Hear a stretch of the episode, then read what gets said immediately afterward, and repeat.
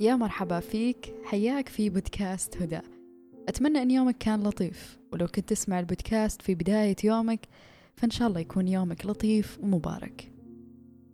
هذه الحلقة السادسة من بودكاست هدى. في الحلقات السابقة تكلمنا عن نظريات مهمة في علم النفس بشكل مبسط ويلمس حياتنا اليومية. وكانت معظم المواضيع عن مرحلة الطفولة لأهميتها ولأنها هي المرحلة اللي كل شيء ينبني عليها. عزيزي المستمع أنت في يوم كنت طفل. لأي درجة حياتك الآن أو بعض جوانبها متأثرة بطفولتك؟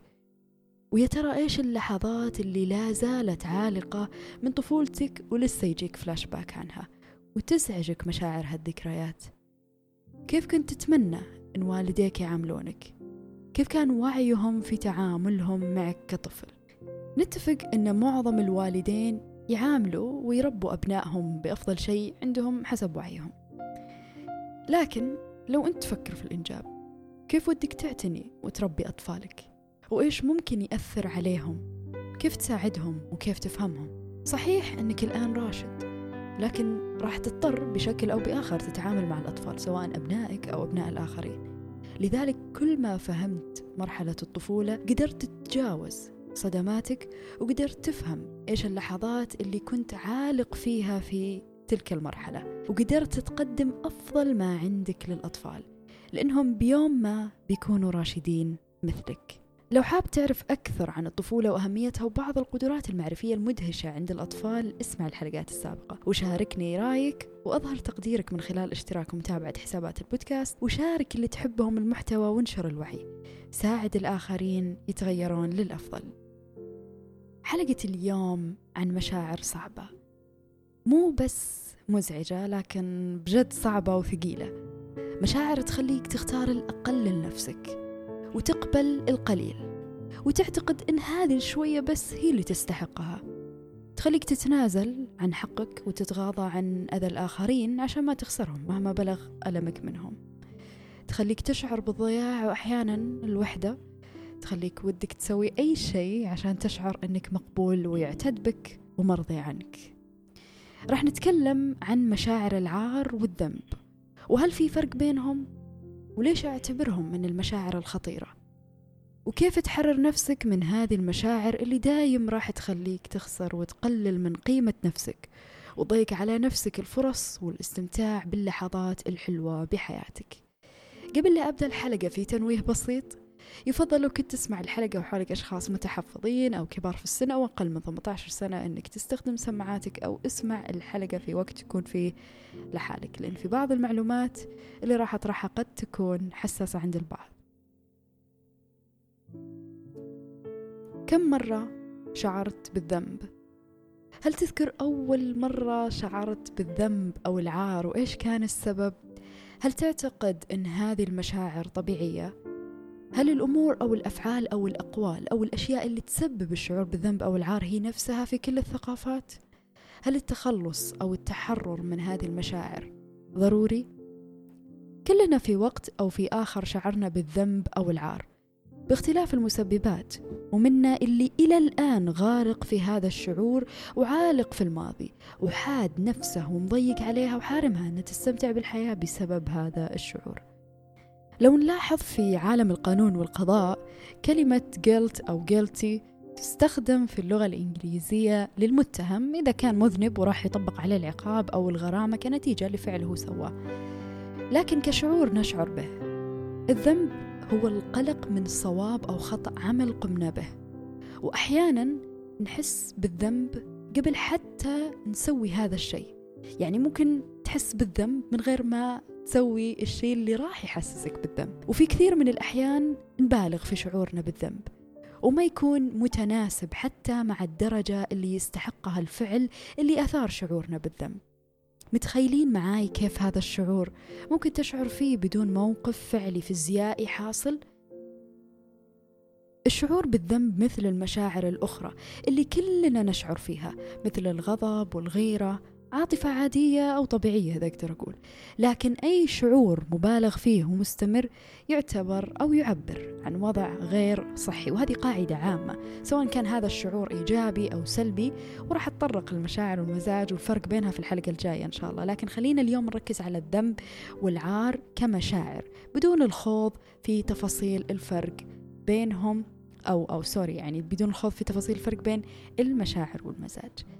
يقول أحد الكتاب المهتمين بالجانب النفسي إن الذنب هو أكبر إهدار للطاقة العاطفية. ويقول مختص أمريكي مهتم بالتحليل النفسي ودرجات الوعي وما يعني بما معنى كلامه آه أن الذنب هو أخطر شعور تشعر به وحاول دائما أنك تتحرر منه. على فكرة أحب أقول تتحرر لأنه فعلا إحنا أحيانا نكون سجناء مشاعرنا وننسى أنها راحلة ولا تبقى. عقولة إكهارتول المشاعر والأفكار هم زوار. خليكم معاي عشان نفهم إلى أي درجة يأثر فينا هذا الشعور. الذنب مرتبط بالعار لكن الفرق بينهم هو أن الذنب شعور مزعج أو الشعور بعدم الراحة نتيجة إدراكك بأنك قمت بشيء قد يكون هذا الشيء سيء أو شيء يعني آه، بمستوى أقل من المتوقع. بينما العار هو مشاعر بعدم آه، أو شعور بعدم الراحة أو شعور آه، في الحقيقة يقال عنه أنه من يعني يعني شعور مؤلم جدا لأنه يلمس الفرد نفسه فهو يشعر أنه هو سيء يعني هو بذاته وبكيانه سيء هو بذاته غير جدير بالإستحقاق. الذنب مشاعر مثل مشاعر يعني أحيانا تصل إلى كره الذات أو تصل آه، أو تشبه إن صح التعبير الإحراج. لما يصير شعور الذنب مفرط فيه أحيانا يكون عرض من أعراض الاكتئاب. لما نشعر بالاكتئاب نصبح حساسين ونشعر بالذنب أسرع وبسهولة أكثر مقارنة لما نكون في حالة مزاجية متزنة أو عادية. اللي يشعر بالاكتئاب يبالغ في شعوره بالذنب وكرهه لنفسه. للأسف عشان كذا آه، أقول الاكتئاب يخلي الإنسان يفقد اتصاله بنفسه لدرجة يصير قاسي عليها ونفسه هي أكثر من يتحمله بكل حالاته. طبعا أقصد تحديدا كل ما زاد الاكتئاب لأن الاكتئاب له درجات مختلفة. في كتاب Letting Go of Shame. يذكر الكاتبين الفرق بين الذنب والعار. وقالوا أن الخزي أو العار يتعلق بشعور الإنسان بالفشل في الوجود. شوفوا لأي درجة الشعور هذا قاسي. وقالوا أن الذنب يتعلق بالفشل في القيام بشيء ما. وأن الأشخاص المظلومين يعتقدون أن الخطأ معهم كبشر. بينما يعتقد المذنبون أنهم ارتكبوا شيء خاطئ يجب تصحيحه. الأشخاص اللي يشعرون بالعار تضايقهم عيوبهم بينما اللي يشعرون بالذنب تضايقهم تجاوزاتهم.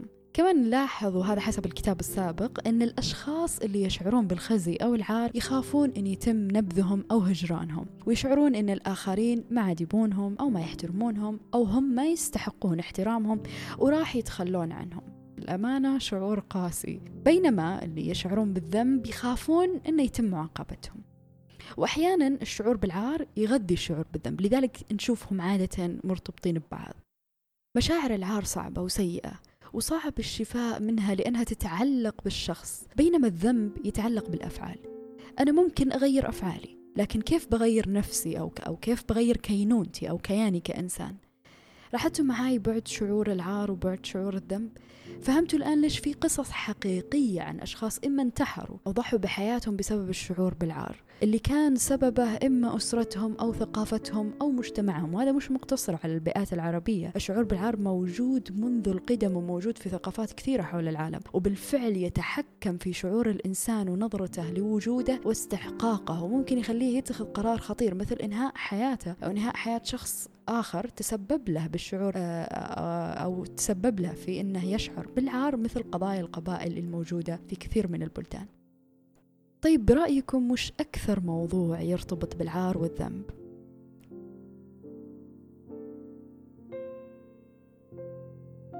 يشوف بعض الباحثين والكتاب المهتمين بالجانب النفسي إن في نسبة من الرجال والنساء سواء بالثقافات العربية أو الأجنبية يعتقدون إن الجنس عار أو إنه شيء مقزز وإنه غير إنساني البعض يشعر بالذنب تجاه نفسه ويشعر بالإحباط في حياته الزوجية بسبب هذه النظرة ما يشوفون أنه لقاء مقدس بين زوجين صادقين يصبح بالنسبة لهم تجربة سلبية تفتقد إلى الود والمحبة العميقة. آه، في الحقيقة لا يمكن لشخص يشعر بالأمان أن ينظر إلى هذا اللقاء الحميمي بأنه مقزز.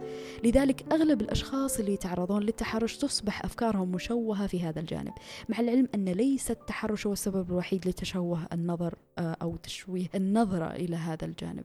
وهذا تفسيره علميا بأن المشاعر القوية تغير من طريقة إدراكنا لأي شيء سواء نصبح ندرك هذا الشيء بشكل إيجابي أو نصبح ندركه بشكل سلبي. هؤلاء أصبحوا يدركون هذا الجانب تحديدا بشكل سلبي لأن التحرش يشعر الضحية بعدم الأمان. طبعا مو هذا الجانب الوحيد اللي يتأثر عندهم لكن مو موضوع حديثنا الآن. يمتد تأثير النظرة الغير صحية للقاء الحميمي بين الزوجين إلى إنكار الجسد أو تشويه النظر إليه. نقد مؤرخ وناقد اجتماعي موريس بيرمان في دراسة له مسألة إنكار الجسد وتهميشه. وكان يتكلم عن المجتمع الغربي ودور الكنيسة المسيحية في استبعاد جسد الإنسان. وكان يقول إن هالشي خلى الإنسان يفقد اتصاله بجسده وكأنه خارج جسده وصار الإنسان يحاول يدور على بديل. ومن هذه البدائل حسب وجهة نظر المؤرخ هو البحث عن السمعة والنجاح المهني والمال وصورة آه، الذات والرياضة والحرب. آه نتفق أو نختلف معه بصراحة عنده وجهة نظر. في عصور سابقة وقديمة كانت الأديان أو البعض يتم استغلالها آه من أجل محاولة التحكم بالإنسان من خلال طرق تشبه هذه الطرق. فتجعله يفقد اتصاله بطبيعته وتخليه حذر ومرتاب من شيء الله خلقه وعطاه إياه لحكمة وقال لنا وش السياق السليم اللي نقدر فيه نمارس أي شيء طبيعي بحدوده العادلة والمنطقية اللي وضعها لنا عشان تحمينا. لذلك أشوف مشاعر الذنب أو العار خطير الاستمرار فيها خاصة لو كانت بدون موقف فعلي ومجرد مخاوف من الوقوع في أخطاء. في الحقيقة إذا أحد يبغى يتحكم في أحد ببساطة يشعره بالذنب أو أنه عار غير أن مشاعر العار تحديدا مرتبطة كثير بالتعلق. كأنك تعلق نفسك برضا أحد عنك أو تعلق نفسك بتوقعات أحد معين. شعور أنك أسير لفكرة أو اعتقاد يظلمك لا يضيف لك نور في حياتك ولا يسهل أمورك ولا يخدمك على الإطلاق. الشعور مثل ثقب أسود في الروح على قولة أحد الكتاب يحكي عن الذنب وأشوفه وصف بليغ لأنه يفقده مع الوقت اتصاله بذاته واستمتاعه بحياته. أحيانا للأسف بعض أساليب التربية الغير واعية تخلي الطفل أو الابن يكبر وهو يشعر بالذنب أو العار أو أنه لا زال آه، آه، أو إن صح التعبير لا آه، لازم يكون مثالي عشان أمة تحبه أو أبوه يرضى عنه. طيب كيف نتخلص من الشعور؟ أولا تقبله تقبله تقبله. اعترف أنه موجود. الإنسان ما يقدر ينتصر على المجهول ويخاف دائما من المجهول. لذلك أي شعور تبغى تتعامل معاه اعرفه ثم اسأل نفسك ليش أشعر بالعار أو الذنب؟ من متى أشعر بهذا الشعور؟ هل يحق لهذه الفكرة أو لفلان أنه يشعرني بالعار؟ هل الذنب اللي اقترفته بحق نفسي أو الآخر أو خالقي؟ ممكن أتراجع عنه وأصحح موقفي وأطلب المغفرة؟ طبعا راح تلقى الإجابة نعم نعم نعم. فقط إنوي وأرجوك لا تنتظر أن الأمور تتغير أو تتصحح من نفسها. بادر بالتغيير لأن بجد بجد لا يغير الله ما في قوم حتى يغيروا ما في أنفسهم. إذا شعرت بالذنب من شيء سويته فاختلي بنفسك وفكر ليش سويت كذا وإيش الصح. وكيف ممكن تحسن من شعورك بدون ما تضر نفسك. وإذا كان الأمر يتعلق بالآخرين مثل التعامل غير لطيف معهم أو أخذ حق لهم أو عدم تقدير عملهم مثل يمكن تكون مدير أو مسؤول ف it's okay دامك تتنفس فأنت تقدر تصحح الأمور. وخاصة لما تكون تتعلق بحقوق الآخرين أو أي شيء يتعلق بطرف آخر لا تتأخر. تعاملت مع شخص عزيز عليك بطريقة سيئة اعتذر بالطريقة اللي تناسب هذا الشخص. سبت عمل زميل لك لنفسك ارجع صحح الأمر بالطريقة المناسبة. تعاملت بأسلوب سيء مع عامل المرة الجاية ابتسم له وأعطيه موية أو اللي هو. دائما في فرصة أنك تصحح الأمور وتحسن من شعورك. خليك شجاع وتحمل مسؤولية تصرفاتك. لو ما اتخذت القرار في تصحيح الأمور راح تظل عالق في الشعور بالذنب وراح يكبر ويكبر ويكبر وتزيد سيطرته عليك وراح تحرم نفسك متعة العيش في اللحظة الحالية. اللحظة الحاضرة اللي فيها كل شيء واللي ما راح تتكرر. لو عارف أنك ارتكبت خطأ وخاصة في حق الآخرين وسكت أو أنكرت فالعدالة الإلهية راح تنصف هؤلاء الأشخاص وصدقني شعورك وقتها راح يكون أسوأ. إذا حسيت أنك توهقت وما عندك مبادئ أساسية تتعامل مع شعورك مو مشكلة. الأخصائيين النفسيين موجودين عشان يساعدونك تشعر بالراحة والتحسن وتزيد من جودة حياتك. ولو أنهم يختلفون في المبادئ العلاجية اللي يتبعونها لكن متأكدة بمجرد ما يكون عندك نية تساعد نفسك راح يسخر لك الله الطريق وللشخص أو الأشخاص اللي ممكن يساعدونك. أنت مو وحدك. ربك دائما معاك ويرعاك. تذكر ما حد يحق له. يخليك تشعر بالعارة وتقلل من قيمة نفسك عشان ترضي توقعاته اللي قد تكون غير منطقية وغير صحية وغير عادلة أبدا في حقك. حتى الله أكرمك. أنت مخلوق عظيم. سخره الله أو, أو سخر له الله كل مخلوقاته. أعطاك عقل تفكر فيه وتسأل. أعطاك قلب تشعر به وتختار. فلا تهين نفسك لأنك بالفعل تستحق كل الخير. في الحقيقة الإسلام والقرآن ينبذ هذا الشعور. الشعور بالعار شعور قاسي جدا. مهما كان الذنب اللي ارتكبه الإنسان الله دائما فاتح أبوابه. وهذه مسألة بينه وبين خالقه ولا يوجد شيء أسوأ من أن ييأس إنسان ويشعر أنه لا يستحق الوجود. الذنب عندما ذكر في القرآن أو ذكره الرسول عليه الصلاة والسلام فكان دائما هناك طريقة لتصحيح الأمر وتكفيره. وهذه رسالة واضحة أن دائما هناك طريقة لتصحيح الأمور. لذلك إياك أن تيأس. هدفي من الحلقة مو أني أتشعب في تفاصيل العار والذنب إنما إني أبسط لكم هذه المعلومات ونسلط الضوء على أهمية النظر إلى هذا الموضوع وكيف إنه موجود في حياتنا اليومية وإيش مترتباته. هدفي إنكم تفكرون وتتساءلون أكثر بينكم وبين أنفسكم. الاضطرابات النفسية وخاصة الاضطرابات الشخصية ويا ليت ترجعون لحلقة الشخصية النرجسية في العلاقات أكثر شيء يجمعهم هو إنكارهم. لذلك لا تنكر لا تنكر مشاعرك وخاصة السيئة. أعطيها مجال تظهر وتعبر عنها بطريقة مناسبة وصحية بدون ما تضر نفسك أو الآخرين. أنت مو الوحيد اللي تشعر فيها. كلنا شعرنا كما تشعر أو شعرت. لكن دائما حاول تتقبل ثم فكر كيف ممكن أحسن من شعوري أكثر. بصراحة خطورة المشاعر المتدنية تصل إلى جسدك. لذلك انتبه لمشاعرك. المشاعر السلبية أو المتدنية راح تضرك خاصة إذا طالت. وفي دراسات علمية كثير توضح علاقة المشاعر بالجسد وهالشي بديهي لأن المشاعر عبارة عن هرمونات ونواقل عصبية. وراح أحكي لكم أكثر عن هالجانب في الحلقة الجاية إن شاء الله. اعتني بنفسك أرجوك. تقبل جسدك واعتني به بقدر ما تستطيع. تقبل أفكارك وحاول تحسنها. تقبل مشاعرك السلبية قبل الإيجابية ثم فكر كيف ممكن أحسن شعوري. اهتم بمشاعرك واسمع نفسك واهتم بنفسك. كون شجاع وتحمل مسؤولية تصرفاتك. انتبه لا تكابر. اعترف بخطأك لأن باب خالقك بغض النظر عن انتمائك الديني باب خالقك دائما مفتوح لك. لكن وش تنتظر؟ لا تأجل فرصة أنك تشعر بشعور أحلى. أنك تحس بالخفة أنك تحس بالراحة والطمأنينة.